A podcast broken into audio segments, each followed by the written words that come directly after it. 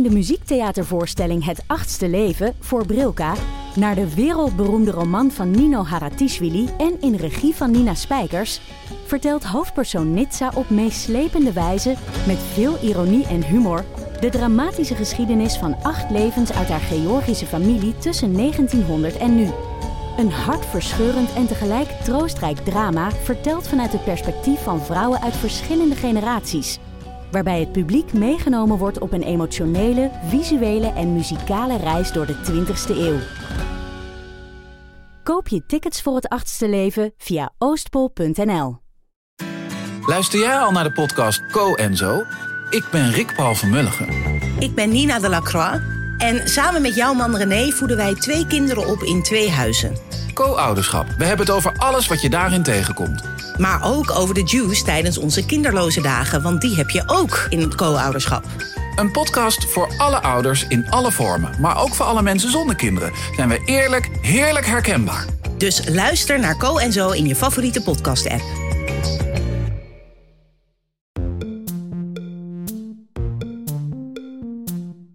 Daar, fijn dat je luistert naar Boeken FM. Heb je een vraag voor ons? Stuur dan een mail naar boekenfm.dasmag.nl. En we zijn ook te vinden op Instagram, boekenfm.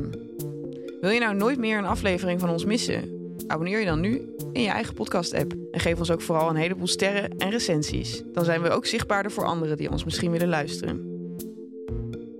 Ik ben gek op de herfst. Ja, maar ik ben ook blij dat de herfst weer is begonnen. En ik, ik, ben in top 4 hoor. Ik heb ook, ik bedoel, het is zo lang warm geweest dat het Ja. nu weer koud begint te worden. Ik denk, yes, ik mag mijn kleren weer aan. Hallo en welkom allemaal bij Boeken FM. De literaire podcast van uitgeverij Das Mag en Weekblad De Groene Amsterdammer. Zoals gewoon nemen we op in de studio bij Podimo midden in Amsterdam. Ik ben niet Charlotte Remark. Charlotte ligt ziek op bed. Ze heeft buikpijn. Ze is voor het eerst ongesteld geworden. Ik ben Joost Vries en ik zit hier vandaag met dichteres, literair columnist en allerhande allesweter Ellen Dekwiets. Hallo Joost, hallo mensen. en eh, tegenover mij zit mijn gewaardeerde collega, schrijfster en essayiste Marja Pruis.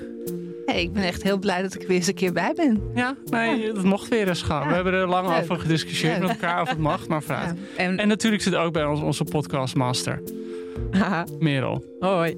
Ehm, zometeen gaan we het hebben over het boek dat ons, de literaire kritiek en heel veel lezers bezig hield. Maar eerst eh, ja, de verdrietige waarheid dat het nu vrijdagmiddag is als we opnemen. En dat net bekend is geworden dat Hilary Mantel, vriendin van de show, eh, zomaar is overleden. Ja, ja, we nemen het op op 23 september 2022. En ze is 70 jaar geworden. We wisten natuurlijk al wel, Mentals gezondheid was erg slecht. Maar het is toch een shock. En Ja, want die gezondheid was chronisch slecht. Ze had endometriose. Op een of andere manier dacht ik steeds dat ze daar gewoon wel oud mee kon worden. ja, Ja, ja. het is natuurlijk op dit moment nog niet helemaal duidelijk waaraan ze precies Nee, overleden. Maar wij hebben natuurlijk in de podcast gehad, eh, te gast gehad. Eh, ik, ik, ik heb haar nog toen geïnterviewd, niet zo heel lang geleden. En ja, het is een vrouw die veel mankeerde, maar ook die super vrolijk en midden in het leven stond en heel scherp. Je had absoluut niet het gevoel dat je tegen een, tegenover een oude zieke vrouw zat. Nee, die was echt zo levendig. Die zat zo vol vonken. Ja, en dan eh, een groot verlies. Ik heb haar bij Atlas een aantal keren ook mogen spreken. De fun fact begint ook samen met Hannah Barefoot. Wat echt een hele gezellige middag werd. En het was gewoon, ja, een enorme... Ja, het was echt zo'n pro qua schrijven. Het onderzoek dat zij deed voor haar romans. De, de reizen die ze ervoor maakte. De zorgvuldigheid die zij aan dag legde. En daarnaast ook gewoon een fantastisch aardig persoon. Ja, en zulke mooie, scherpe, actuele essays die ze schreef. Ook, Ook over het Koningshuis. Ja, Dus precies. ik bijna denk, Zo, ja. kon Elizabeth Nee, ik- gewoon ik- niet laten gaan. Nee, het is Nee, echt zonde dat ze dit nog. Dat ze, ja, Ja. ik bedoel, een collega van ons zei ons zeggen, tegen van.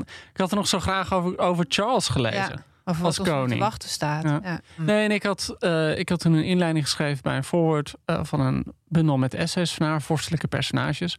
En dan schreef ze vooral over Diana en over Kate Marie Middleton. Antoinette en Kate Middleton. Dus, dus juist heel erg, ze was ongelooflijk scherp en ook origineel als het ging om het kijken naar publieke vrouwen en wat er van vrouwen in machtspositie wordt verlangd en hoe we anders naar vrouwen kijken in machtsposities dan aan mannen. Ja, dat was echt haar, haar grote thema. Ja, wat Ze, mij heeft, betreft. ja, ze heeft echt de mooiste memoir ever geschreven. Giving Up the Ghost. Oh ja. Ja. En ik had zo gehoopt dat ze nog een vervolg daarop zou Ja, schrijven. want Giving Up the Ghost was heel erg haar jeugdjaren. ja. En het ging Haar over... woorden als schrijfster. Ja, het ging over hoe zij Ziek eh, werd ook. ziek Ja, werd ja. en hoe ze in een heel in het noorden van Engeland in een heel ongewoon gezin opgroeide. In de zin dat haar moeder eh, op een gegeven moment ha- haar, minnaar, haar minnaar erbij in huis liet wonen. En dat die vader toen niet meteen, maar na een tijdje gewoon spoorloos eh, vertrok. En ja, eigenlijk Ja. altijd hoe, je, hoe ze buiten de dorpen vielen waar ze woonden. Eh, en hoe ze zelf het heel erg het gevoel had een individu te zijn en Ja. een individu te worden. En ook hoe ze ziek werd al. ja, is dat een heel on- aangrijpend. ja. een vergetelijke scène eh, waarin ze het idee heeft dat ze door een, ja, toch een kwade geest. Dat beschrijft ze echt ijzingwekkend. Dat ze als klein kind in de tuin loopt en dat er een soort onzichtbare zwerm denkt ze te zien. Een soort doorzichtbare, die, die zich in haar vastgrijpt. En dat, dat ziet ze als het ware als het begin van haar, haar ziekte. Eh, ja, het is gewoon een uniek. Ja, Uniek en ook iemand. vond ik ook heel mooi in haar memoir hoe ze beschrijft dat ze eigenlijk gewoon niet kan wennen aan het lichaam wat ze kreeg Ja. als gevolg van haar ziekte. Ja. Dat ze beschrijft dat ze niet één kleermaat omhoog ging, maar gewoon drie Ja, in één keer. ja, En dat, dat opeens alles veranderde. Ja, ik had ook de- het gevoel toen ik het nieuws net hoorde van... Het voelt nu alsof de echte koningin dood is. Ja, dat zeggen- zeiden Ja. meer mensen inderdaad. Ja. Zo voelt het echt een beetje. Ja. En, maar ik weet ook nog, dat vond ik ook zo'n ijzingwekkend. En ik bedoel, het, het was zo iemand die wel echt... Het was niet een religieuze iemand, maar wel een spiritueel iemand. Ja. En ik weet nog dat we die podcast toen opnamen. eh, het was 2019, toch? Ja, precies. Ja. Oktober 2000. Oktober 2019. Met Bob, ja. met Bob. En ehm, dat ze toen van tevoren vertelde, voordat we opnamen, dat ze net voor een documentaire op de BBC gevraagd was of ze. ehm, die wilde haar filmen op allerlei plekken voor zo'n biografische documentaire. En dan of ze naar het huis wilde waar ze vroeger was opgegroeid. Dus eigenlijk met een soort van grote tegenzin ging ze daar naartoe. Want dat is toch altijd zo emotional journey. En ze reed in zo'n taxi of in een auto ze voorbij dat huis. En ze kijkt omhoog naar het huis van vroeger, naar de kamer, wat ooit haar kamer was. En ze ziet zichzelf staan. Oh ja. En dat ze echt zichzelf ziet staan als toen ze vroeger was. Dat ze alleen maar dacht, ik moet hier weg, ik moet hier weg. Ik bedoel, het is echt iemand die op zo'n manier in het leven stond. En Mm. heel veel meer voelde dan... eh, ja, echt iemand... Ik bedoel, dat boek heet in het Engels ook... Remember Giving Up the Ghost. ja. De geestgever, verteld in geest- Nederland. Ja. Ja, maar het is iemand die ook heel nieuwsgierig was naar de werking van haar eigen geest. Dat, dat las je ook in die memoir inderdaad. Maar dat zie je ook in haar personages van, van Wolf Hall onder andere. Hoe ze daar Thomas Cromwell het leven inblaast. In de Vrijheid-trilogie, eh, in het Engels A Place of Greater Safety. Ja, een genie, wat mij betreft. Ja, wel echt een genie. En een ook groot echt, gemis. echt iemand waarvan ik dacht van... Die gaat op een dag Nobelprijs in ontvangst Nou, nemen. precies dat. Precies Mhm. dat. En ik bedoel, hij wordt over twee weken wordt hij weer uitgereikt. Nobelprijs. Dat was echt iemand waarvan ik dacht, nou, dat kan niet missen. Dus ja, ik vind het heel... Ik, ik, ja, ik was echt even stupefait. Ik weet nog dat Philip Roth overleed. Ik was gek op de boeken van Roth. Ik, ik heb ze allemaal gelezen. Ik heb heel veel interviews met die man gelezen. Echt een schrijver aan wiens, persoonlijk, aan wiens persoon je ook wel hecht. Maar dat was gewoon een schrijver. Oké, die was gewoon en heel oud. En hij was al gestopt met schrijven. Dat voelde gewoon zijn werk zit erop. En bij Mental heb je echt zo'n gevoel van... ja, daar had echt nog een aantal hele mooie boeken in gezeten. Ja, en ook, want dat vertelde ze dus ook toen wij haar interviewden over haar laatste deel van eh, de Wolfval-trilogie. Dat zij, omdat ze dus bezig was met de toneelbewerking ervan, opeens ook helemaal nieuwe ideeën kreeg over die Tudor-tijd. En hoe ze die weer kon implementeren in Mm. nieuwe verhalen. En het was iemand die zo fucking nieuwsgierig was. En dat vond ik heel bijzonder, want bij veel mensen dooft nieuwsgierigheid naar de kindertijd uit. Of dan wordt het op zijn best sensatiezucht. Maar bij haar was er altijd een soort van twinkeling. Ja. Nou, rust, Nou. rust in vrede, lieve Hillary. En Ja, we zullen de podcast die we in de tijd met haar gemaakt hebben... even opnieuw op ons kanaal zetten. ja, en dank voor al je mooie boeken. Yes. Ja. Nou, dan nu naar het boek Voor Handen.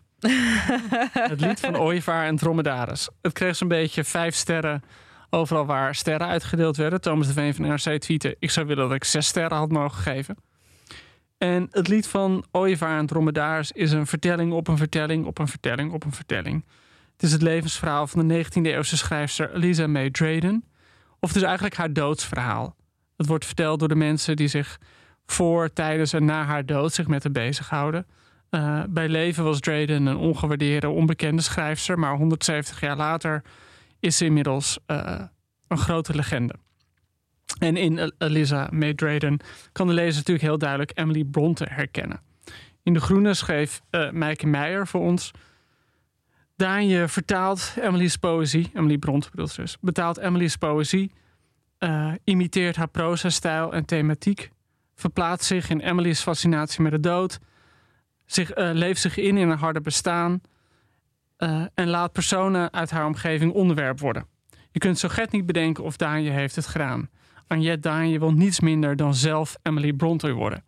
Dus daar gaan we het over hebben. Is dat gelukt?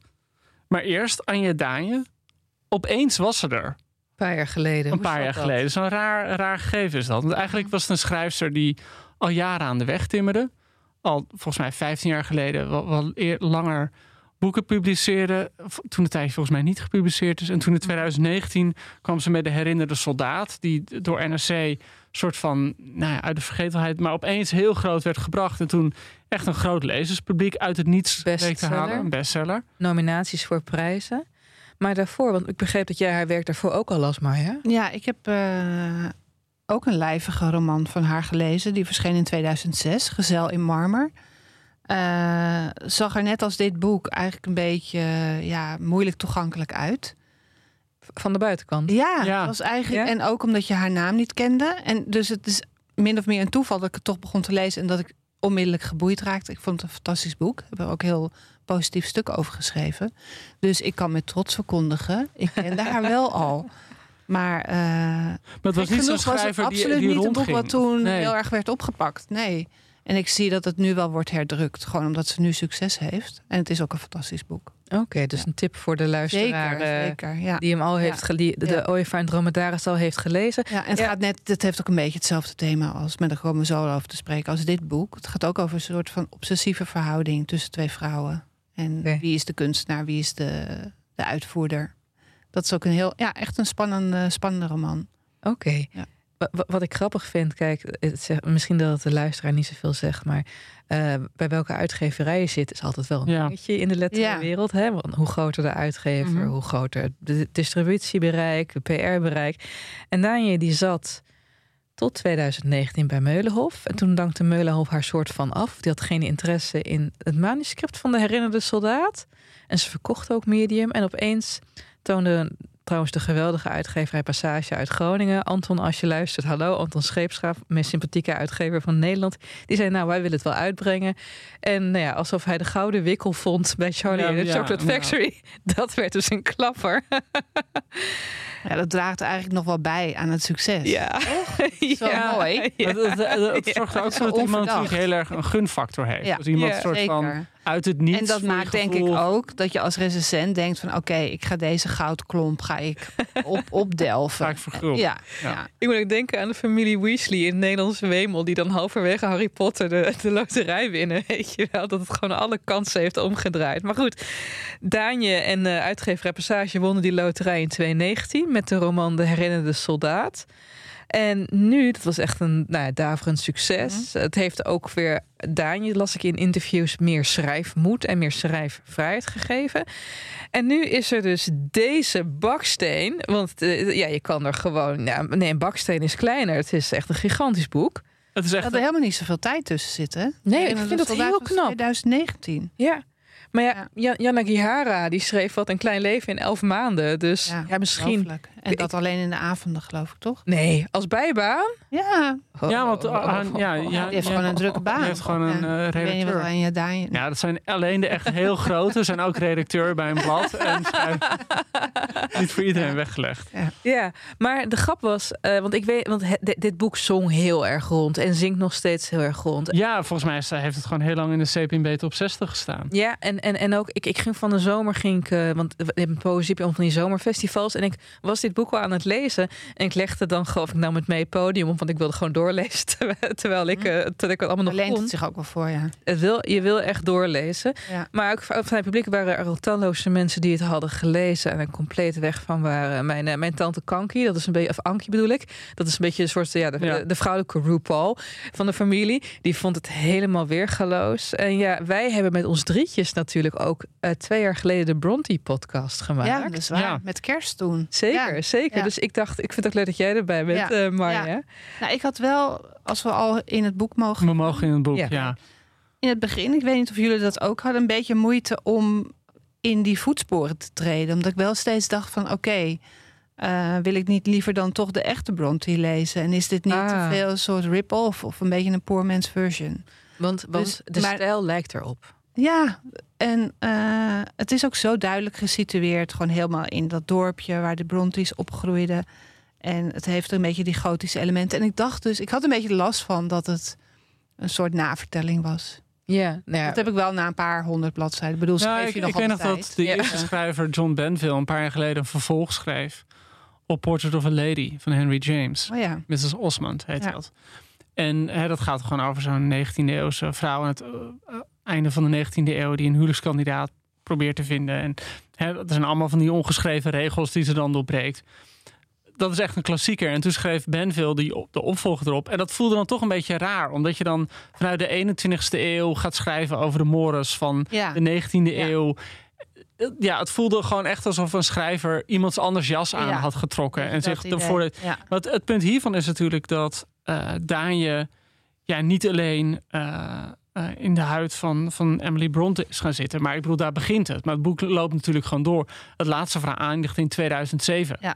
Dus het, het, het loopt gewoon helemaal door tot nu. Zeker, zeker. Ja, kunnen we Ja. voor de lezer die het nog niet heeft Ja. gelezen, dus niet iets vertellen over compositie? Want deze roman bestaat uit elf verhalen. Die, eh, dat heeft Daan ook in interviews gezegd, die mag je ook als op zichzelf staand lezen. Maar die verhalen zijn wel inderdaad onderling verbonden door of de nalatenschap van het leven of de letteren van eh, eh, Eliza May Dryden. Of ze zijn verbonden door de thematiek die ook in het leven van de Dryden slash Bronte sisters heel erg aan bod komen. En het ik heb het idee dat het Daanje ook te doen was om het een beetje een echokamer te maken. Er galmen heel veel thema's telkens weer. Ik, ik zal er een paar noemen. Er zijn bijvoorbeeld doorgegeven familievloeken, of dat mensen denken dat er familievloeken zijn. Er zijn heel veel codependent familieleden. Er zijn sexy pianolessen in meerdere verhalen met sexy pianoleraren. Er zijn dubbellevens. Er liggen heel veel familieleden met elkaar in bed te praten over een fantasiewereld die ze met elkaar hebben. En als ik ehm, als ik het een ondertitel zou mogen geven, is het eigenlijk een boek, elf verhalen met variaties op verbinding en afscheid. Mhm. Met als grote bastoon de dood, die de hele tijd als een soort negatieve hartslag door de pagina's heen slaat. En je zei net maar dat het een beetje gothic is, maar Mhm. ik vind dit boek zo ontzettend gothic dat hierbij vergeleken Gomer en Morticia Adams gewoon Henk en Ingrid zijn. Dit is gewoon echt gewoon ook al dat, dat eerste hoofdstuk. Ja. Dat eerste hoofdstuk is Ja. al meteen, vond ik zelf, Zo dan zit je er heel erg in. Ja. En in het eerste hoofdstuk gaat zij ook meteen dood. Eigenlijk gaat haar hele familie dood. Hè? Van Eliza Zij- May Dryden, ja. Van Liza May Dryden. Zij- haar vader is pastoor. En eh, die wordt weduwnaar wanneer zijn vrouw sterft... bij de bevalling van haar vijfde, vijfde dochter. En Het wordt eigenlijk... ook allemaal zo heerlijk Het beschreven. wordt allemaal in dat eerste hoofdstuk zo heel erg beschreven... hoe ze één voor één ook komen te overlijden. En het wordt verteld eh, door de ogen van eh, Susan... Susan Knowles Chester. Geen familie En die van is de- Beyoncé. Geen Beyoncé Knowles Chester, ja. Eh, en die is de aflegster van het dorp. Dus zij komt als er iemand overlijdt. We, we zitten dus halverwege de 19e eeuw. Als iemand overlijdt, dan wordt zij geroepen. Eh, en dan komt zij de lichamen schoonmaken en de nette kleren aandoen en de ogen afleggen. En dat is belangrijk in het geheim. Want eigenlijk is het een taak van de nabije familie. Maar dit is het eerste keer dat het thema een geheim leven, een Ja. geheim baan of geheim. Ja, en ik moet nog iets denken nu je Ja. dit zegt. Want eh, het zijn natuurlijk nogal wat pagina's en al die verschillende verhalen. Iedere keer weer word je opnieuw meegesleurd door het verhaal op zich. En ik was ook voor deze podcast ook een beetje bang. Dat ik dacht van, nou, ik vergeet ze ook gewoon weer. Het is te veel. Ja. Maar nu jij dit zo zegt, van die aflegster... en ik had het laatste hoofdstuk vanmiddag nog een keer gelezen... dacht ik, het gaat ook om doodgaan... maar dan eigenlijk de angst dat iemand niet echt dood is. Dat komt ook in een paar verhalen Ja. voor. Nou ja, ik bedoel, om, om Ja. dat dan meteen als voorbeeld te geven. Kijk, het wordt heel mooi beschreven. Die Susan, die komt daar en eh, die die kinderen onder een laken of die, die overlijden Mhm. meisjes. En ze bindt een doek om hun hoofd, zodat de mond gesloten blijft. En ze stopt eh, de lichaamsopeningen, ze werkt het bloed weg en de geuren en gewoon alles dat Dus wijst. legt die watten. Alles, alles dat op wijst op, eh, op ja. eh, alles dat, dat wijst op zeg maar de doodstrijd. En dan hè, zijn we echt op, ik geloof, bladzijde 27 of zo. Dan is die Eli- Elisa May dus overleden aan tering. Consumptie. Ja, consumptie, op, inderdaad. Ja. Eh, gewoon longontstekingachtige dingen Ja. in die tijd. Mhm. Eh, en er wordt dus beschreven dat zij. ehm Susan neemt nieuwe watten, twee grote proppen. Ze maakt ze nat en legt ze wederom op Elisa's ogen, oogleden. Ze haalt het wisselgeld uit de zak van haar jurk en stopt er de kroop- grote koperen munten van een pens uit. Ze duwt, die duwt ze in natte watten, voor ieder oog één.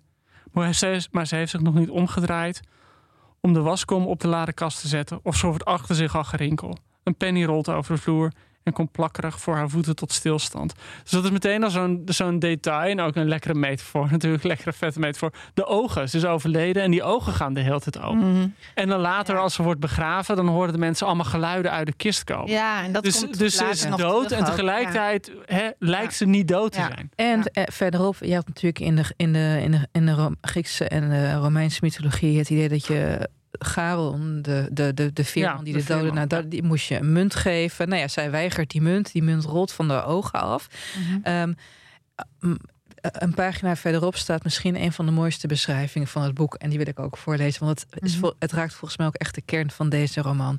Dus Susan is dus die aflegster en Eliza is hier het, het lijk. Terwijl Susan haar, dus Eliza's borstkas was, zo mager dat haar ribben zijn te tellen, glijdt haar blote rechterarm onder het laken vandaan. Haar hand bungelt boven de vloer. Susan bu- bukt zich om hem terug te leggen op het bed. Teder raken de slanke, slanke vingers Susans handpalm. In een opwelling strijkt ze met haar duim over de weken bleke binnenzijde van Eliza's pols, zoals ze graag liefkozend bij haar kinderen deed toen ze klein waren. De blonde haartjes op de dode onderarm rijzen als de nekharen van een wolf omhoog. Het kippenvel golft van haar elleboog naar de rug van haar hand en daar springt het op Susan over. Ze voelt hoe het over haar arm naar boven klimt en zich sidderend over haar rug verbreidt. Met een gil laat ze de levenloze hand los. Ze struikelt, kruipend bereikt ze het verste einde van de kamer. Nou, en dat vind ik dat, dat doorgeven Mhm. van beweging tussen dode en levende materie, want daar gaat het hier, daar Ja. gaat die hele roman eigenlijk over. Dat vind ik hier fenomenaal Ja, dat is heel mooi gedaan. gedaan. Echt. Ik vind het ook oneerbiedig eigenlijk om dan meteen naar het slothoofdstuk te springen. Maar daar zit het ook nog weer heel sterk in. Ik ben wel wel bang dat we nu aan de lezers weggeven dat we het een goed boek vinden, jongens. Dat Nou, is echt jee. een hele spanningsboog. Ja. Nou, stop, stop, Ja. stop, Joost, stop. Ja. Stop, hou, stop, hou dit Hammer vast. time. Hammer time. Mi, mi, mi, mi, mi. Nee, eh, weet je, eh, ik, ik, ik, laten we ook alvast tegen de lezers zeggen. Beste lezers, jullie lezen waarschijnlijk evenveel als wij. En waarschijnlijk zingt dit boek ook al rond in jullie leesomgeving. We hebben ook wel een paar bezwaren. Eh, ja. Nou ja, ik heb net al een beetje gezegd dat ik last had van dat, Ja. toch die imitatio. Ja. En ik, ik voelde of ik las ook heel veel echo's van andere schrijvers. Dat hoeft helemaal niet erg te zijn, maar dacht ik ook. Lees ik Sarah Waters bijvoorbeeld dan niet liever zelf, in Mhm. plaats van dat het wordt nagedaan. Eh, het is heel veel. Ja. En je zou kunnen zeggen van, ja, moet het zoveel zijn? Uiteindelijk denk ik, maar goed, ga ik dus weer iets positiefs zeggen. dat het die, wel die veelheid ook is die het hem doet. En Maar wat, dat wat, ook wel wat denk je dan tegen te komen? Hoe bedoel je? Nou, je zegt van dat je de echo's hoort van andere boeken en andere films. Mhm. Hebben het eh, voor de uitzending eventjes over. Wat- Ja, nou bijvoorbeeld eh, die, die verdubbeling die heel vaak het thema is. Weet je, mensen geven zich voor de ander uit. Dat is ook de plot van een van de bekendste romans van Sarah Waters. Eh, Tipping the Velvet. Ja. En, dus dat is nogal letterlijk. En de Ja, ik- symboliek die ze gebruikt. Ik moest bijvoorbeeld denken dat het slothoofdstuk, dat zich ongeveer nu afspeelt in Noord-Groningen, gaat over iemand die klokken repareert. Er zit er helemaal zo'n verhaallijn, bijvoorbeeld, waar het me erg aan Ja. denken in eh, Chemistry of Tears van Peter Carey. Eh, een prachtig boek. Ook iemand die rouwt om iemand eh, en dat soort van verwerkt door een oude museale klok te repareren. En, en natuurlijk, kijk, het, het punt is, en ik bedoel, dat is ook niet, absoluut niet iets dat ik daarin zou verwijten hoor. Maar ze, ze plaatst haar boeken, haar verhalen in een literair landschap. En in een literaire traditie. En, en daar speelt ze heel erg mee. En ja, dus, dus die, oh, ja, die echo's die erin doorklinken, vond ik niet afleiden of iets. eh, Mhm. Ik wel. En dan niet zozeer de literaire echo's, Mhm. maar de, de, de, de, de, de, de intratextuele echo's. Want wat je wel meer hebt bij verhalenbundels die uiteindelijk één boek samenvormen, kwam er, waren er te veel dubbelingen. Want op een gegeven moment zie je dat iemand. Uh, er waren te veel relaties waarbij mensen niet tot elkaar konden komen. Er, waren, er was te veel gedoe met pianolessen. Nou ja, vergeet het horloge niet. Er waren te veel horloges. Ja, uh, en op een gegeven moment dacht ik, ja, ik geloof het wel en kreeg daardoor ook iets makkelijks. Ja, nou, het gekke is dat ik dus wel, dat ik op een gegeven moment, als ik dan om ben, dan ga ik ook om voor een boek. En Wanneer was je om? Nou, ik denk na de helft. Oké. Dus dat is best veel. Ja, na, na, na 700 pagina's zoals je dacht je, nou, hij is wel lekker toch? Oké. Ja. ja. Ik had in het begin last van haar stijl, haar vertelstijl, die best wel indicatief is, heel mededelingachtig. En ze laat ook eigenlijk weinig te raden over. Ja. En ik denk ook, en dat bedoel ik niet te denigeren, maar ik denk ook dat het deel van haar succes is. Op een bepaald niveau is het ook een heel simpel boek. Het is echt een leesboek. Het is een heel lekker boek om te lezen. Er staat eigenlijk geen raadselachtige zin in, maar ook geen zin die ik zou willen onderstrepen, omdat ik hem heel mooi vind, bijvoorbeeld. Ik bedoel, jij hebt net die passage voorgeschreven en dan zit ik ook wel weer in die, in die sfeer. Ja. Maar ja, het is een. Uh, een zo'n vertelling is. Het is zo'n vertellend boek. Nou, heb je altijd gewoon het. Oh, sorry. Kom. Nou ja, nee, dat maakt niet uit. Nee, maar dat, nee, zo moet ik niet. Dat het uh, soms ook een beetje tedious wordt. Hmm. Nou, ik... Ja, kijk, het grootste cliché is natuurlijk altijd bij literaire kritiek eh, roepen show don't tell. Mm van je moet het niet vertellen, maar je moet het beschrijven. Want de kunst, probeer maar iets heel duidelijk te vertellen. Gewoon benoem maar, benoem ja, maar zijn emotie. Dat is vaak moeilijk zat. Uh, en zij kan dat wel heel goed. Maar het gevolg is inderdaad ook dat gewoon. En, en in, de verhalen, in de verhaallijnen vind ik genoeg mysterie zitten. Want het is ook weer niet zo dat het plot zonneklaar wordt verteld. Zeker niet. Nee. Maar zeker als het gaat om wat de personages voelen en denken en meemaken. Dat is inderdaad altijd ja. heel helder meegedeeld. Ja. En amper dialoog. En dat vond ik ja, ook jammer. dat bedoel ik ook met dat, dat indicatieve. Ja. Maar dat, die, dat gebrek aan dialoog zorgt ook dat het allemaal, allemaal een soort van helemaal een toon zet. Ja. Dat is zo, maar het, het boet daardoor wel voor mij voor een deel aan geloofwaardigheid, althans aan menselijkheid in. Want ik had af en toe ook het idee dat die personages werden opgevoerd om bepaalde grotere ideeën over tijd, over rouw te demonstreren, dan dat ze wilden gaan kijken waar de pijnpunten, de, de, de geloofwaardige pijnpunten van menselijke interactie zitten. Mhm. En dat vond ik jammer.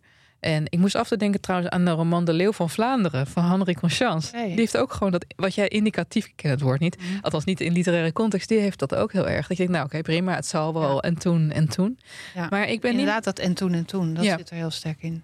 Maar ik vond af en toe wel dat er echt uh, prachtige, toch wel prachtige. Ik heb wel uh, dingen onderstreept, maar misschien heb ik gewoon de leeftijd een slechte smaak. Maar dan heeft, dan heeft het op een gegeven moment over de dood. En dan zegt ze ja, hij was niet vreed of hongerig, maar was hij dat maar? Dan zou hij tenminste gunstig te stemmen zijn of overvoerd kunnen raken. En het idee van een overvoerde dood vond ik echt ontzettend lollig. Ja. Um, en over, maar wel over lollig gesproken, wat ik miste. En dat, is altijd een beetje voor jou een kwaliteitskeurmerk, Joost. Het is heel ernstig. Het is heel ernstig, inderdaad. En, en, maar ik bedoel, je geeft al aan het feit dat er bijna geen dialogen in zitten. Uh, het, is allemaal van met een zekere stap naar achter verteld. Ja, een soort ideeënroman. En het is een ideeënroman. En uh, het, het gaat niet per se om. Het is echt een, een literair, literair boek. Het gaat niet om de menselijke interacties of, of de, de, kleine humor die ons dagelijks leven voedt. Hopelijk. En wat, wat ik wel vond, en het klopt inderdaad wat je zegt, er zitten heel veel herhalingen in en heel veel dubbelmotieven en uh, uh, bepaalde gebeurtenissen en verwijzingen waaraan keer op keer in de verschillende verhalen toekomt. Maar ik vind dat ook vaak heel slim gedaan. Ik bedoel, het, het, vaak werkt het ook, en dat is natuurlijk ook iets wat je lezende houdt, dat je steeds kleine raadsels zijn. Die worden dan het hoofdstuk daarna krijg je een oplossing. En het hoofdstuk daarna krijg je weer een andere oplossing. ik noemde net dat ze begraven wordt. En dat er dan gebons uit de kist lijkt te komen. Mhm. Nou, dan later blijkt dat er dat, dat, dat, uh, dat ze eigenlijk niet begraven werd toen, maar dat ze stenen in de kist hadden gaan die hoorden. Maar later kom je dan erachter dat uh, ook die stenen, dat verhaal van die stenen weer anders in elkaar zitten. Nee. Dus elk hoofdstuk krijg je dan weer een ander deeltje van die puzzel. En dat is natuurlijk gewoon uh, waardoor het boek niet aanvoelt als een verhalen bundel, maar echt als een, als een doorgeefvertelling. Het, klopt wel allemaal bij elkaar en het, het verhevigt elkaar en het geeft ook wel het vorige verhaal weer betekenis. Dat vond ik ook toch heel knap ook. Dat zij, ze legt een puzzel, maar ze lost de puzzel zelf niet helemaal op. En je kunt er gewoon naar blijven raden wat het nou was. En uiteindelijk dacht ik ook, omdat het wel begint en eindigt toch met die schrijfster, de Emily Bronte-achtige figuur. Uh, het is ook een soort commentaar op het schrijven van iemands biografie, vond ik. Mm. En zij, er is een aantekeningenboekje van Emily Bronte en dat, dat komt steeds in andere handen terecht. En niemand snapt eigenlijk wat er in dat boekje staat. Wat die tekent zijn hele lelijke tekeningetjes en gekke symbolen. Weet je wel, wat betekent het? En zij geeft eigenlijk in een paar verhalen mogelijke verklaringen, maar nooit de verklaring. En dat is ook wederom, ja, dan zie je maar weer hoe belangrijk het is hoe een boek eindigt. Ja. Alles wordt opgetild in het laatste hoofdstuk. En dan zie je ook weer iemand bezig, ook weer om een aantekeningenboekje te maken. En dan ga je toch ook weer op een andere manier nadenken over dat andere boekje. Ja, ze zet je echt op een ander been. Ja. ja. Ja. Het is wel zo dat ik, dat ik af en toe op een gegeven moment ik geloofde niet alles op een gegeven moment meer. Ik ging niet meer mee. Mhm. En dat heeft ook te maken met een zekere geconstrueerdheid van de dingen die erin gebeuren. Uh, een van de verhalen, dan zijn er twee zussen die een Duitse vader hebben en een Engelse moeder. En op een gegeven moment zijn ze volwassen. En dan gaan ze namens de man op wie ze verliefd zijn, ik, ik parafraseer even wat makkelijk, brieven aan elkaar schrijven oh ja. en zo. Ja. Weet je, het, het Heel mooi verhaal ook. Het Ja. verbeelde leven. Maar op een gegeven moment, ik, ik, ik heb een aantal keren in een kant gezegd van ja, ik geloof het niet. Mhm. Snap je? En Mhm. natuurlijk, En, en wat geloofde je dan niet? Je vond het te bedacht. ik vond het te bedacht. Gewoon dat plot vond je Ja. van die brieven. Ja, ik vond het te bedacht. Ik ging er niet in mee. Ehm, maar weet je, eh, als ik een bezwaar mag geven tegen het boek, ik vind dat de kwaliteit onderling van de verhalen te sterk fluctueert. Sorry, te sterk? Fluctueert, te sterk verschilt. Oh, je vindt, omdat je het ene verhaal vind je goed en het andere niet. Ja. Doe je dat? Ja, ja, ja. Omdat eh, er zijn te veel herhalingen in. Er zitten dingen in die ik soms niet geloof. Mhm. Eh, maar er staat tegenover dat bijvoorbeeld het eerste hoofdstuk en het slothoofdstuk, ja, in zekere zin, vooral het eerste trouwens, maar fenomenaal zijn. Mhm. Ja. Eh, en dan, als je hele goede elementen hebt, net als in een dichtbundel, dan kan je de mindere elementen, weet je, dat je denkt, nou oké, ik, ga, ik blijf je Mhm. geloven, ik blijf erin geloven. Maar ik moet wel eerlijk bekennen dat ik me door het middenstuk heen heb moeten worstelen. Oké. Maar ja, goed, het probleem is denk, daarvan denk ik ook dat het dus inderdaad, eh, wat is het, 600 te dik is. pagina's. Ja. En dat je denkt van, god, stel het was 400 pagina's geweest en al die verhalen erin gezeten, maar iets korter, dan ga je natuurlijk sneller doorheen. Maar hier is natuurlijk elk hoofdstuk wel weer een tijdsinvestering. Het grappige wat ik wel had, wat ik bijvoorbeeld een heel fijn hoofdstuk vond, eh, was over Jonas en George. Dat zijn twee eh, doodgravers. Dat, ongeveer een van de eerste herinneringen van Jonas is dat Mee wordt, dat zijn vader wordt weggeroepen om Mee te begraven. En hij wordt later ook doodgraver. En dan op een gegeven moment eh, valt een collega van hun of een vriend van hun, die valt in de crypte. En dan moeten ze de crypte openbreken Oh, om zijn dat- lichaam ja. eruit te halen. Ja. Weet je, en dan gaan ze dat doen. En dan komt meteen een hele zwerm eh, eh, beesten komen omhoog. Er maar een beetje gothic. dat dus- was, Ik bedoel, eh, en, en voor het weet zit zeg maar in elk neusgat zitten meerdere motten en vliegen en noem maar op, weet je. En ik bedoel, gek genoeg schrijft ze dat dan weer terughouden. Want je kan ook voorstellen dat zo'n hoofdstuk als dat is dat het echt gewoon, ja, het had ook gewoon een horror scène kunnen zijn, weet je wel. En nou, daar zit het natuurlijk ook heel dicht tegenaan. Dus, dus, thema, dus stilistisch houdt ze het wel dicht bij elkaar. Maar je kan je ook voorstellen dat ze sommige hoofdstukken heel zwaar had aangezet en andere weer wat Mhm. gedownplayed. Maar dan- ja, ik weet niet. Eh, nu voel je wel, doordat die stijl zo door het boek heen loopt, dat het heel erg een eenheid is. Ja, zeker. Ja, maar sommige verhalen vond ik er toch maar bij gehaald. Ze heeft toch geen... Nou ja. heeft, eh, toch? Ik vond, ja, maar zo, helemaal in het begin, volgens mij zei jij, Ellen, dat het gaat over de dood. En natuurlijk, ze beschrijft echt levens van de wieg tot het graf eigenlijk iedere keer. Maar ik dacht wel van, eh, uiteindelijk gaat het heel erg over obsessies. Over de obsessie van de een met de ander. Oh ja. De een die de ander wil zijn. En de een die niet dicht kan komen bij de ander. En dan op een bepaalde manier trucs verzint om toch die ander, die ander te naderen. Ja. Maar het is wel grappig, want wij hadden natuurlijk dat stuk in de Groene Amsterdammer van Meike Meijer. En die beschreef eigenlijk dat precies dit aan de hand is met Anje Daanje zelf. Dat zij Emily Ja. Brunte wil zijn. Ja. Dat, die- dat die obsessie Nou, er is. Ik heb eerlijk gezegd nog niet gekeken naar de gedichten die zij heeft geschreven. Maar ik dacht wel, wat een waagstuk. Gewoon ook om dat op die manier te zeggen. Ik ja, dat moeten we dus erbij vertellen. de geest van. Dat moeten we dus erbij zeggen. Er is een, een boekje naast uitgegeven. Mhm. eh, met gedichten van, Ja. van haar. Waarin zij, ja, dus ook, ook Emily Brunte als, als dichteres. eh Ja, het is nogal wat. Ja. Wat, wat ja. iets anders is, beste lezer, dan eh, de gedichten van Eliza May Dryden. Want dat vond ik heel grappig hierin. Dat ze op een gegeven moment zegt iemand dat de, dat de, de Brontes een soort discount Drydens zijn. Oh ja. Weet je wel? Dat Ja. echt hilarisch. Ja, dat wel- ja. Dus was wel toch iets grappigs. humor. Ja, Ja. ja. Ja, ja, Hey Merel, Hey, Heel. gaat ie man? goed. Ja? Ja? Eh, fijn om jullie te Is er luisteren. gezellig bij? Dus eh, ja, Hey, eh, waren nog vragen? Want volgens mij hadden we een vraag gehad over dit boek. dat ook. Ehm, maar wat nou als ik eerst een andere vraag stel... en dat we dan weer verder kunnen met de vraag die over dit boek is Oh, Jij bent de baas. Jij bent de baas. Dat zijn de Ik heb namelijk een hele leuke vraag gekregen van Lianne... waar ik eh, zelfs smakelijk om gelachen heb. Ehm, lieve Joost, Ellen, Charlotte en Merel. Allereerst bedankt voor jullie fijne podcast. Bijna elke dag luister ik wel even naar jullie. Oh. Nu het kouder wordt en de regen bijna dagelijks tegen mijn ramen klettert, komt de onstilbare lust naar huiselijkheid weer opzetten. De dekens en kruidige kaneelthee liggen al klaar. Ook heb ik aan mijn vriend het jaarlijkse verzoek gedaan om mij een minuscule deco-pompoen te schenken. Een wat? Een? Een minuscule deco-pompoen. Oh. Ik vond dat heel leuk. Ik mis uiteraard nog één ding. En dat is een goed herfstig boek. Welke boeken geven jullie een warm gevoel? Lieve groetjes, Lianne. Ja, Lianne. Ja. Het is weer pumpkin spice season. en ehm, ik snap wel...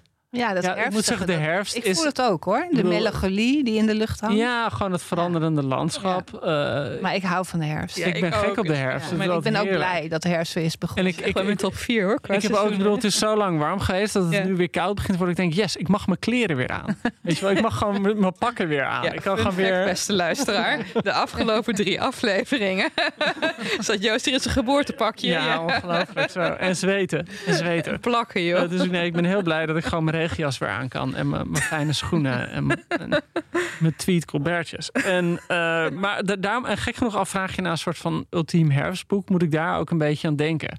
Dan zie ik toch altijd, als ik aan de herfst denk... dan denk ik gewoon door een beetje een half regenachtige verlaten stad wandelen. Ik denk toch altijd al snel aan Praag of Berlijn. Of Mhm.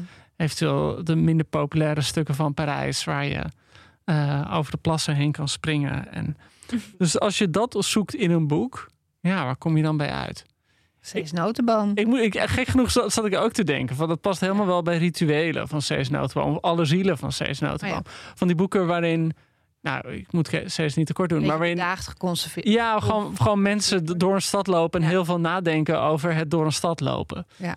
Ehm, ik, ik weet niet of dat per se het warme gevoel is, maar het is wel het herfstgevoel. Ik heb een beetje dat ik juist, het komt natuurlijk ook door Anja Daan, gewoon aan Engeland denk. Dat ik denk, oh wat zou het heerlijk zijn om in Engeland te zijn. Mm. Lekker met een cognacje in zo'n oud hotel, weet je wel, in zo'n grote fauteuil. En dan ga ik gewoon lekker Ishiguro lezen. Remains of the Ja, Day. Remains of the Day. Ah, ja, Ja. ja, ja. Geeft mij een heel eh, fijn, warm gevoel. Als je daarna op zoek bent, denk ik, dat is een goed boek daarvoor. Ja, en ook om te herlezen. Ik denk het wel. Ik heb het nooit herlezen, maar ik heb wel andere boeken van Ishiguro gelezen daarna. En ik vind het echt een hele fijne schrijver. Wat wat je dan ook zou kunnen adviseren, en dat is denk ik zeker eh, een goed advies voor de mensen die dit een heel mooi boek vonden, of die Anja Danje heel goed vonden, is Possession. Ja, A.S. Byatt. Ja. heeft A.S. Byatt in Ja. jaren 90 of zo de Boekenprijs mee gewonnen. En dat is ook zo'n heerlijk verhaal over twee academici die onderzoek doen naar een, een schrijverspaar uit de vorige eeuw. Ja. En die gaan dan op zoek naar allemaal verlaten bronnen door heel Engeland heen. En langzaam maar zeker bewegen ze zich naar elkaar toe. Ja. Oh, ja. Er worden ook graven Love, opengebroken. love. trouwens, Ja. En, dat, dat, eh, en ik bedoel, Ja. ja, ik kan me er weinig meer van. De tijd terug dat ik het las, laat ik het zo zeggen. Maar is ook echt zo'n heerlijk, slim Zeker. Ja. boek over mensen die lekker door bibliotheken struinen Dat. met elkaar. Ook dat je lekker in de bibliotheek gaat zitten. Dat is ook wel zo lekker her. Weet je wat ik, wat ik ook bij zo'n hersgevoel bij had? En dan kijk ik naar jou, Ellen, of Hallo. jij het gelezen van Elisabeth Kostova, de historian. Nee, vertel. Nou ja, dat is gewoon, of ik moet niet steeds gewoon zeggen, maar dat is een boek van een aantal jaar geleden, eh, wat eigenlijk een Dracula-vertelling is. Oh, Het dus de Historian. En de Historian in titel blijkt dus Dracula zelf te zijn, die gewoon zijn hele leven bijhoudt door oh veranderende tijden heen. En het duurt heel lang voordat je, ja, ik bedoel, je weet het omdat het op de omslag staat, maar het duurt als lezer heel lang voordat je doorhebt. Dat Dracula Dat, dat, nou ja, Ja, ik bedoel, het wordt verteld vanuit iemand anders, maar dat het een vampiervertelling is überhaupt. Maar wel gewoon zo'n verhaal met krakende deuren en, en tochtige gangen en oude kastelen. Maar als we zo bezig gaan, dan ook de Vampire Chronicles van Anne Rice, weet je wel, Interview with the Vampire, van tombe naar tombe ga je dan niet te veel mensen de boeken. Wordt nu een tv-serie, hè? Wat? Ja, Interview wordt echt een heel grote. Ja. En wie, wie is Lestat? Um, ben ik vergeten. Goeie Joost. Wel een bekend. Ja, sorry. Dankjewel voor je bijdrage. maar, maar, mag ik nog een. Ik, ik besef opeens dat ik wel een herfstboek heb. Uh, wat, ik, wat ik van mijn tienertijd af aan wel eens gewoon herlees. En dan zeker als het regent. Koning voor de Doriade van Rosemary Sutcliffe. En dat speelt zich af in het regenachtige Engeland van de 6e eeuw. Totale chaos. Er zitten nog wat restantjes Romeinen. En vooral veel woedende Pictische volkeren. En dan wordt iemand die gaat zich verbinden aan zo'n soort van Keltisch-Pictische stam. Heerlijk. Mhm. Natte paarden in de regen. Er is een koningshert. Er is sexy tijd. Ja, dat is fantastisch. Ik, weet nog dat ik uh, dat Robin Hood boek van Rosemary Sutcliffe las. Ja, dat is heel mooi, ja. ja en uh, dat ik het las ik toen ik 12, 13 was. En dat ik opeens het las en dacht ik, hè? Het lijkt wel alsof hij, alsof hij het niet gaat redden. Het lijkt wel alsof Robin doodgaat. En dat het zo'n shock was dat boeken niet per se goed aflopen. Want op een of meer op die leeftijd ben je dat heel erg gewend dat het uiteindelijk altijd wel goed komt. Maar, maar, maar, en opeens was dat gewoon. Ik denk, Robin gaat toch niet dood? Mar Marion, wat een pijl in de hart. Wat? Maar Joost, luister, heb je nooit naar die geweldige serie Robin of Sherwood gekeken? Die ja, ja, nou ja, hallo, ja, ja, daar, daar ben ik nog steeds getraumatiseerd van. Ja, ja. Door, door, alle satanische dingen die erin zaten. Nee, doordat Robin, de eerste Robin, want er zijn twee Robin Hoods, en de eerste Robin gaat dood. Ja, ja, ja. En dan staat hij zo boven op zo'n heuvel. Wat je erbij moet bedenken. Voor de, sorry, ik ga even uit mijn dag. Wat je erbij moet bedenken. De soundtrack was van Planet.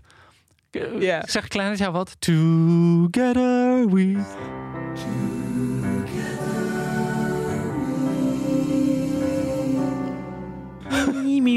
dus dat was van die Keltische muziek. Of, oh, ja, ja, ja. Volgens mij Noord-Iers. nog wel één soundscape hiervan?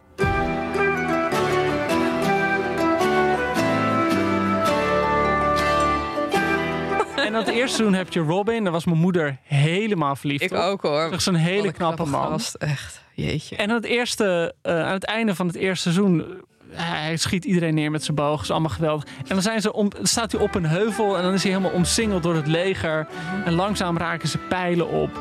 En je denkt, ja oké, okay, er komt vanzelf wel iemand hem redden. En dan is hij bij de laatste pijl en, het leger, en dan schiet hij die pijl zo de lucht in. En dan accepteert hij zijn dood. En ik was tien. Ja, ik was gechoqueerd. Tuurlijk. Wat nog erger was, is dat seizoen 2 kwam dus met een soort discount Robin. Dat was de zoon van Sean Connery. Sean Connery, ja, ja, ja. Blonde Robin. Ja. Vond ik, vond ik, ja, toen voelde ik me echt. Ik dacht van dit is een staaltje representatie. ik voelde eindelijk dat ik dacht ook blonde mannen mogen helder zijn. Dat, ja, dat heb ik toen geleerd. Oké, ik hoop dat het een goed antwoord was op de herfstboekvraag. Was er nog een tweede vraag? Nou, we hebben een vraag over, over het boek. Oh. En uh, dat is een vraag van Esther, kort maar krachtig. En Esther vraagt: Hoi, ik ben heel benieuwd wat jullie ideeën bij de titel zijn. Fijne podcast gewenst. Tussen haakjes, niet te melig hè. Oh. Sorry. Oh, sorry, sorry. Nou, oké, okay, jongens. Laat. Recht gezicht. Maar ja, niet lachen. Niet lachen. De angstlach. Serieus. Titelverklaring. Mag ik een voorzet doen, jongens?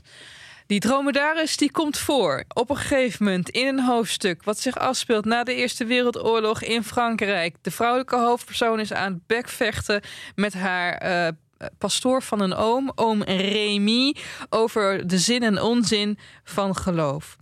En ik, ik ga het gewoon even voorleggen, voorlezen, want hier komt die dromedaris, mensen. Let op. In haar, dus die vrouw, gesprekken met hem, de pastoor die ze in zijn werkkamer voeren en soms ook aan tafel, stelt ze alles ter discussie. Zelfs de uitgangspunten van het katholieke geloof die hij niet kan bewijzen alleen dan door te citeren uit de Bijbel. Wat een vreemde cirkelredenering is, zegt ze. Zoiets als het bestaan van een dromedaris aantonen. Niet door er een te vangen en te bestuderen, maar door een koe te beschrijven. En via een ingewikkeld betoog te verklaren waarom bij deze dromedaris de beeld onder de buik hangt en niet op de rug is gegroeid. En waarom hij hoorns heeft en boe zegt en wat niet zoal. Net zolang tot het in de belevenis van mensen een koe een dromedaris is geworden. Nou, hierbij gaat het natuurlijk om het onkenbare. Proberen te tonen aan de hand van iets dat je kent, wat tegelijkertijd een totaal scheve vergelijking is. Houd dit in gedachten. Dit was de dromedaris. Wie wil de ooievaar doen? Nee, ik niet hoor. Ja, ik dacht dat jij Nou ja, ik weet alleen dat de ooievaar dat verhaal heeft ze ontleend aan Karen Blixen. Ja, out of En eh, Ja. ik weet wat de, wat de uitwerking uiteindelijk is van het verhaal. Of de, de les die je eruit moet trekken. Is dat, dat je uiteindelijk het perspectief van waaruit je naar iets kijkt. bepaalt wat je ziet. En het bepaalt ook of je de ooievaar ziet. of dat je alleen maar chaos ziet. Precies, dus iemand vertelt Ja. een verhaal en tekent terwijl Ja. het verhaal vertelt Ja. stukjes bij in het zand. Op een gegeven moment als je het verhaal of die tekening omdraait, dan zie je een, een ooievaar. Ik weet nog wel dat ik dat las. Want het wordt best wel lang uitgelegd ook in het boek. Ja. Ik dacht van, goh, wat, dan moet je ook wel lef hebben als schrijver... om zo met zoveel woorden te zeggen waar je een verhaal aan ontleent. Namelijk aan Karen Blixen. Ja. En het valt mij... Nou ja, we hebben net ook al gezegd dat, zij, dat er best wel veel andere schrijvers en boeken... en ook films volgens mij resoneren in dit boek. Zij zegt bijvoorbeeld ook dat ze op de gedachte is gekomen... om ieder verhaal de naam te geven van de persoon over wie ze schrijft... en geboorte en sterfdatum. Dat ze dat heeft ontleend aan Six Feet Under. Oh ja. Weet je, en ik Oh, vind dat ja, heel dat- sympathiek dat ze dat zegt. En, maar ook wel dat ik de hele dag van, goh, nou, dat je dat op een bepaalde manier ontheilig je een beetje wat je zelf aan het doen bent. Ja, maar, stop eerst even terug naar de titelverklaring. Ja, Ja, Want anders, sorry. ik anders wilde Ja. gewoon even op de cover wijzen. eh, ja? Kan jij ze zien, Ellen? Eh, nee, moet dat? Kan dat? hoort ze te zien. Als je dus goed Oh ja, ik, kijkt, zie- ja, ja, de ja, titel ik, is zie ze meteen, ik zie ze meteen hier en hier. lekkerige... eh, de eerste keer dat ik het zag, wat, wat is dit voor raar Oh, ja. oud schrift? Maar de ooievaar en de dromedaris zitten dus ook verstopt in de, Nou, dat was in de dit vlekken. echt niet een opgevallen. Ik zie- Rorschach-test. ik zie een En Je kan er van alles inzien. Ik zie een, Maar ik vind alles, dus de combinatie van deze omslag... die er inderdaad op het eerste oog gewoon absoluut niet heel... eh, nou ja, moet ik het zeggen, heel duidelijk uitziet. En dan die titel, die ik ook wel compromisloos... eh, eh, nou ja, hoe zeg je dat? eh, ingewikkeld vind. Pleit eens en te meer voor het boek. En dan ook nog dat het zo'n succes wordt, vind ik wel heel leuk. Ja. Ik vind het best. Ik dacht in het begin ook het lied van Ooievaar en Dromedaars. Vond ik heel onaantrekkelijk klinken. Nee, maar sowieso geeft het bijna hoop op een bepaalde manier. Dat je als totaal onbekende schrijfster eh, een boek kan schrijven. Eh, kijk naar de herinnerde soldaat. Dat wat er echt niet uitzag, met alle respect. Dat echt zo'n veel te dikke. Nou, ik vond de bladspiegel was moeilijk. Dat was niet echt een vrolijke cover. En dat er dan toch opgepikt wordt en gezien wordt. En door een enorm publiek wordt omarmd. En Ja. hetzelfde is met Lied van Ooievaar en het Dromedaris. dit Dat je- omslag is door de broer van Daan Ja. gemaakt, hè? Ja, en, en Ja. het omslag Ja. lijkt op niks dat in de boekhandel ligt. Nee, En ik denk dat heel veel commerciële uitgevers zullen zouden zeggen... de- zeggen niet van, doen. dat moet je niet doen. En dan is het toch fijn dat iemand het Ja. doordrukt. En dat het dus ook gewoon resoneert. De titel dus. Ja, sorry. Sorry, de, sorry. titel, de titel Bear With Me eh, is met andere woorden. Zou ik zeggen, kijk, eh, eh, en wat is een lied? Een lied is een herhaling van bepaalde delen. Couplet, refrein, couplet, refrein. Je ziet ook hier een constante herhaling. Het meandert heel erg voor langs bepaalde themata. En wat je dus zou kunnen concluderen is dat dit een, een, een, een variatieschema is van aan de ene kant iets wat je niet kan kennen, namelijk de dood, als je het aan mij vraagt. En dat je daarom door vergelijkingen bekendbaar en invoelbaar probeert te maken, maar toch louter alleen een beetje omheen cirkelt. En dat het een meanderende bla bla bla omcirkeling is van iets dat je alleen maar op een bepaalde manier kan waarnemen als je op een bepaalde manier kijkt, vanuit een bepaald perspectief. Net zoals als je naar een, eh, een rij, een rechte lijn kegels kijkt. Vanuit ene hoek zie je maar één kegel. Vanuit een andere hoek zie je er acht achter elkaar staan. Ja. Dus eh, met, met andere woorden, eh, het gaat over onkenbaarheid en verhaal en invalshoek. Ja, ik moest ook denken aan eh, Frederik van Ede, het lied van Schijn en Wezen. Ach, Dat drukt ook echt in feite al een beetje die tegenstelling uit. ja, ja, ja. ja, is ook een beetje het feitelijke tegenover het fantastische. Ja, ja, en Van Ede was een bijzonder morbide schrijver. Mhm. Ja. Koelemeren des doods. Ja, Prachtige titel. Ik heb het nooit gelezen, maar die titel is zo mooi. die titel is echt, die, die, die, die titel redt het boek al. En heeft hij ook niet een, een gedichtenbundel gemaakt met een geweldige titel? Ja, die titel heet Ellen. Oh, Ja, het is nou, dat moet een hele zwoele, bijzondere bundel zijn. Ik denk het wel. Vol, vol depressie en zelfdoding. Ja, ongelooflijk. Wat, wat krijg je dan? Ja. Eh, wat ik wel dus had, is dat ik eh, dit boek aan het voorbereiden was, die podcast, dacht ik, ja, ik moet eigenlijk weer even wat van de Bruntes erbij pakken. Maar ik stond op een bankje in het park en er was geen boekhandel in de buurt. Oh, En toen ben ik gewoon even naar bookbeat.nl gegaan. Bookbeat.nl is dus sinds een paar maanden nieuw in Nederland. Het komt uit Scandinavië, zoals al het mooie uit Scandinavië komt. Zoals bijzondere auto's en in elkaar zetbare meubels. Een extreemrechtse coalitie. Ja, oké, extreemrechtse coalitie is dat ook. Maar laten we daar niet BookBeat de schuld voor geven. Ja, dat is geen mooie ding. En eh, het fijne van BookBeat.nl dat je voor maar 8,99 per maand... een schier oneindige hoeveelheid e-books en luisterboeks tot je beschikking krijgt. En wat helemaal mooi is... Dat vind ik zo mooi. Is dat je daar naartoe kan gaan en dan eh Boeken FM als kortingscode kan invoeren. En dan krijg je dus al die 500.000 titels in de hand omdraaien. Boekbeat? BookBeat. Nee, BookBeat. Ik ben blij dat je het zegt. B-O-O-K-B-E-A-T.nl. Oké, Boekbeat. Nou, je ziet eruit alsof je elk moment naartoe kan surfen. Ja, er zijn nogal wat momenten dat ik hier behoefte aan zou kunnen hebben. Dus Nou, Ja. Bedankt voor bookbeat.nl. de tip, Ja. Joost. Ja, ik geef gewoon even een tip. Ja. Niks aan de hand. Oké, Merel is tevreden. Jongens, krijgt de duim. Krijgt de duim van Merel. Dat is altijd het hoogst haalbare. Ja, er zijn ook luisterboeken. Had je dat ook gezegd? Oh ja, e-books en luisterboeks. Ja, Ja, luisterboeks. luisterboeks. Yay. De books voor de listening. Oké. Wat denken jullie? Hè? Dit boek kreeg zulke goede recensies. Het staat nu op de longlist van de Boekenbon Literatuurprijs. Nou, Thomas de Veen van RC zei zes sterren. Gaat dit de Libris winnen? Nou, toevallig ken ik eh, een van de Libre juryleden aardig. Ik ken zijn poëtica. Eh, ik ken ook hoe hij zich verhoudt tot boeken die al van tevoren heel erg gehyped zijn. Ik denk dat die eh, dwars zal liggen. ik vind dat Hmm. zo irritant als jury's apart gaan proberen te doen.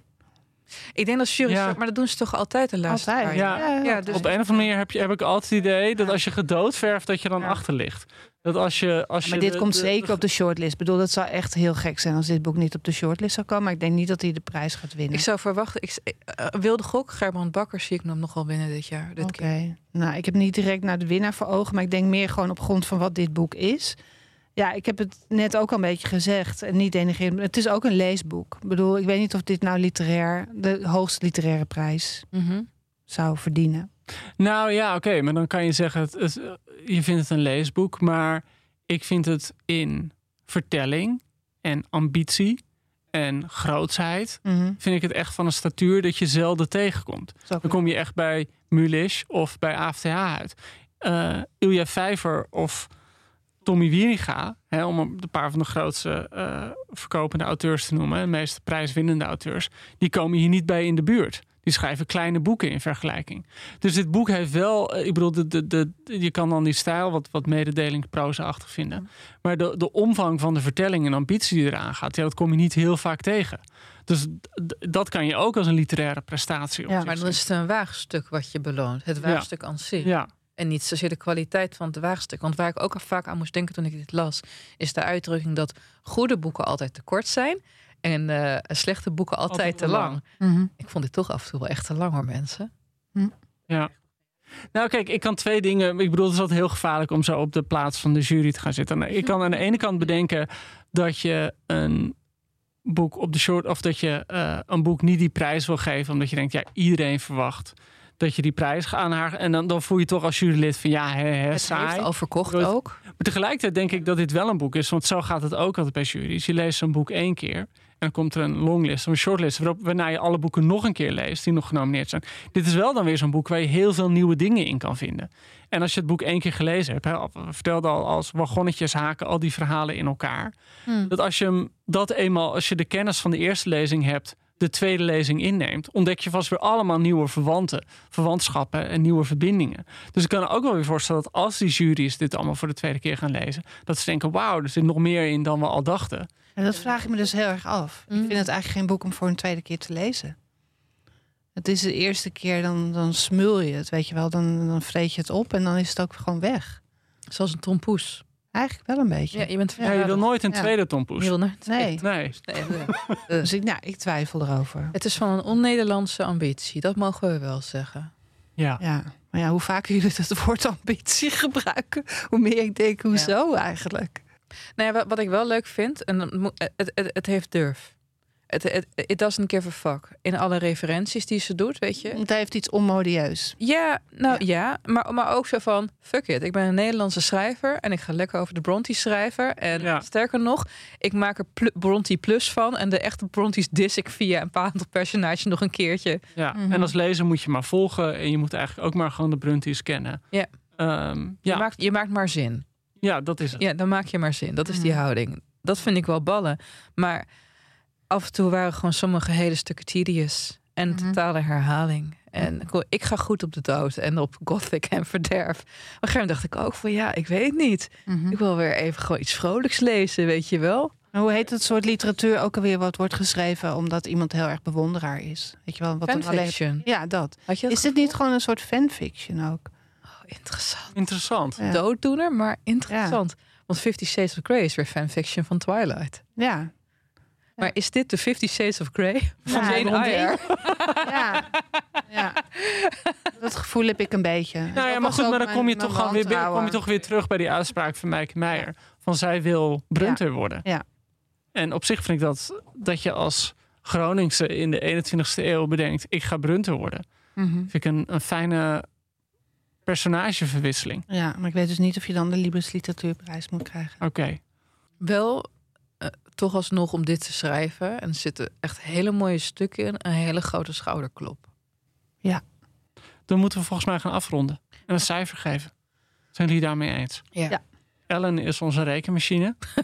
Defecte De rekenmachine. rekenmachine des vaderlands. Eh, Is, dat cijfer is, is, zijn dus eigenlijk gewoon jullie ballen.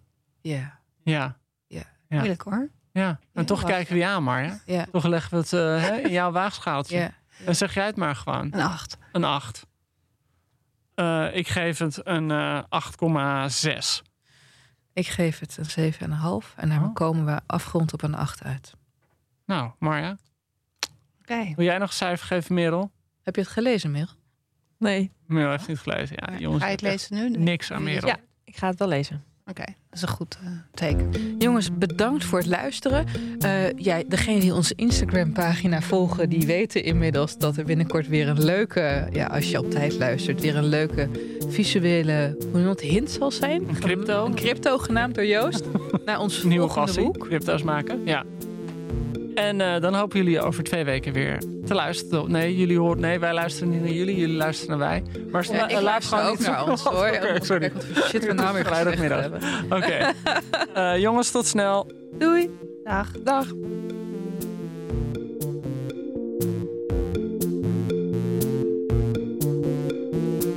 Nog even over die grootse en epische muziektheatervoorstelling. Het achtste leven voor Brilka is een marathonvoorstelling van 5 uur. Koop je tickets voor deze bijzondere theateravond via oostpol.nl.